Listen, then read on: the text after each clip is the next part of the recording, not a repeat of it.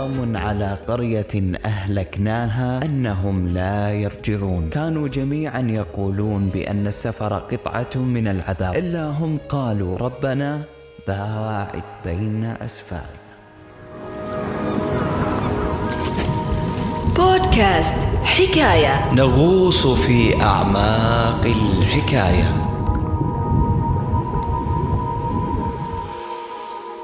قبل 800 سنة من الميلاد كانت توجد مملكة تسمى سبأ. كانت موجودة في اليمن وأجزاء من جزيرة العرب. وكانت هذه المملكة تعيش في أمن وأمان ونعمة ورغد العيش الحمد لله. وكانت هذه نعمتهم الأولى. وقال عنهم رب العالمين لقد كان لسبأ في مسكنهم آية. معناتها تحفة في الجمال ورغد العيش. أما نعمتهم الثانية فقد كانت بين سبأ وبين القرى الطيبة الجميلة اللي تعيش رغد العيش مثلها طرق سفر سهلة وآمنة. وقال لهم رب العالمين سيروا فيها ليالي وأياما آمنين. وكانت أسفارهم سهلة وبسيطة بدون مشقة وبدون تعب ومليئة بالأمن والأمان. وحالهم مثل حالنا اليوم. الحمد لله نعيش في أمن وأمان ورفاهية. ولكن سؤالي لكم أجدادنا قبل شلون كانوا يسافرون؟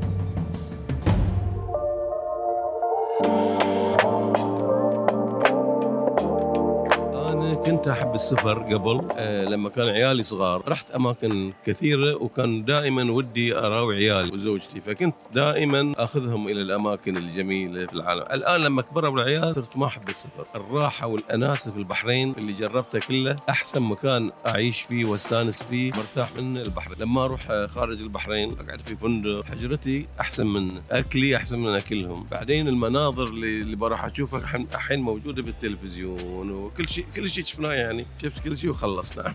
تخرجت.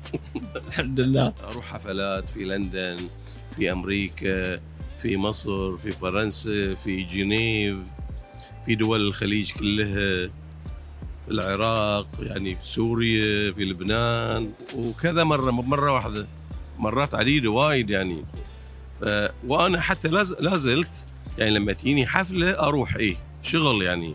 لكن أروح سياحة لا. كسياحة كنت أحب جنيف أكثر شيء أحب مصر. مصر لأني درست فيها وقعدت فيها عشر سنوات فوايد لي أصدقاء فيها. أنا اللي يهمني ترى في السفر الأصدقاء.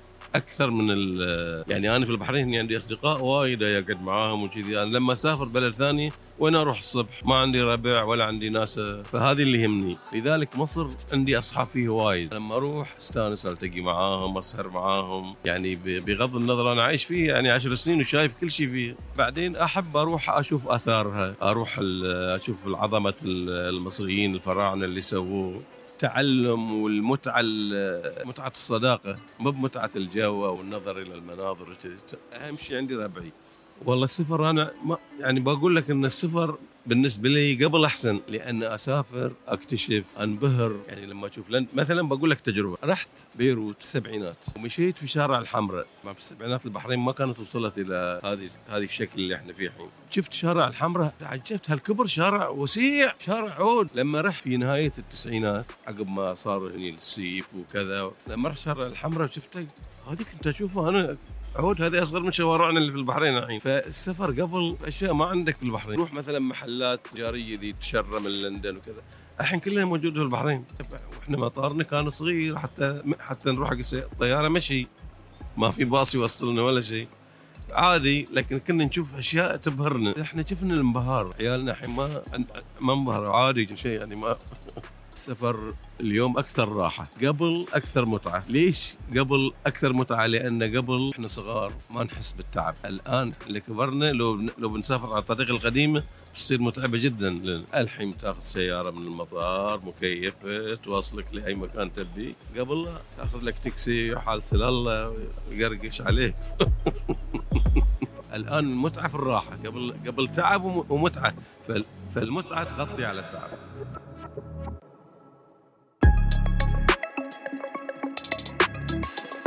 إحنا في مدرسة المبروك للفروسية. لمالكها علي الكعبي. واليوم جايين نجرب السفر قديما شلون كان على ظهر الناقة. وهذه ذيبة ونبتدي تجربتنا بسم الله الرحمن الرحيم. سبحان الذي سخر لنا هذا وما كنا له مقرنين. وإنا إلى ربنا لمنقلبون. قريت الدعاء الركوب. سبحان الذي سخر لنا هذا. الحمد لله الحمد لله الحمد لله. فيها هيدروليك. تنزل هي يعني. تنزل وترتفع. الخيل دائما واقف. فأنت تجي تركب عليه. أخ. أخ. أخ. عن هذه الناقة. تنزل كذي. لا. كذي. كذي. يعني أول شيء من قدام. عقب ورا. وفي الصاعدة اي لا لا أوكي.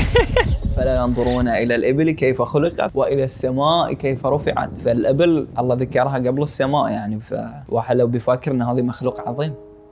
هذنا جوله وقاعد نجرب السفر اليوم قديما. شلون كان؟ على ظهر الناقة. وما شاء الله يعني جدا مريحة. يعني أنا خاطري بس أعرف. طبعا عقب ركوب الخيل وحين ركوب ناقة الله ابى أعرف ال- الكبير في السن الله يحفظه اللي يبي يرجع حق أيام الأول وينه؟ يعني تترك مقاعد ال- لو تركب وين؟ لو تركب باص. الخيل. الجمل ولا الخيل؟ الخيل. الخيل. خلال الناقة الخيل. لا يعني هو حلو إنك تستمتع. يعني تجرب الموروث الشعبي. ولكنك يعني تبي تعيش ذيك الأيام؟ لا. أنا أقول لك ذي الأيام أحسن. الحمد لله على النعمة يعني. السلام. مرحبا. بك. شلون علاقتك مع السفر؟ والله تشوف السفر عقب طول السنة قاعد تشتغل. أهم شيء الميزانية. يعني سفر مالنا صوب أوروبا طبعا. وعندي البوسنة. الأول والحين. الأول نسيته بس الحين موجود. ممتاز يعني. روح مكان اللي أنت ترتاح على قد ميزانيتك. هاي وايد مهم. لا تروح مكان يكون over ما تقدر تسدد.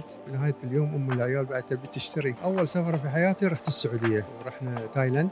طبعا هاي كان عقب الزواج ويا العيال. شوف اليوم آه، شركات السياحة يوفرون لك كل شيء. بس نرجع مرة ثانية على الميزانية. شركات السياحة يوفرون لك أماكن. ما أقول رخيصة زينة اللي أنت ترتاح ويريحونك.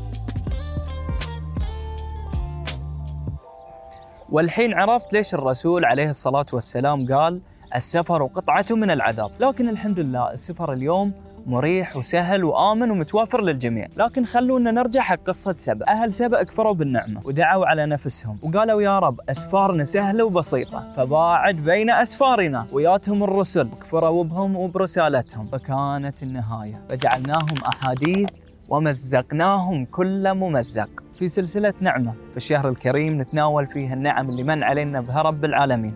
فهل نشكرها أم نكفر بها؟ وعشان نكون شاكرين للنعم اللهم أدم علينا نعمتك واحفظها من الزوال. شكرا للمشاهدة وشكرا لاستماعكم أيضا. ونلقاكم بإذن الله على خير. لا. دفاتر وشنطة.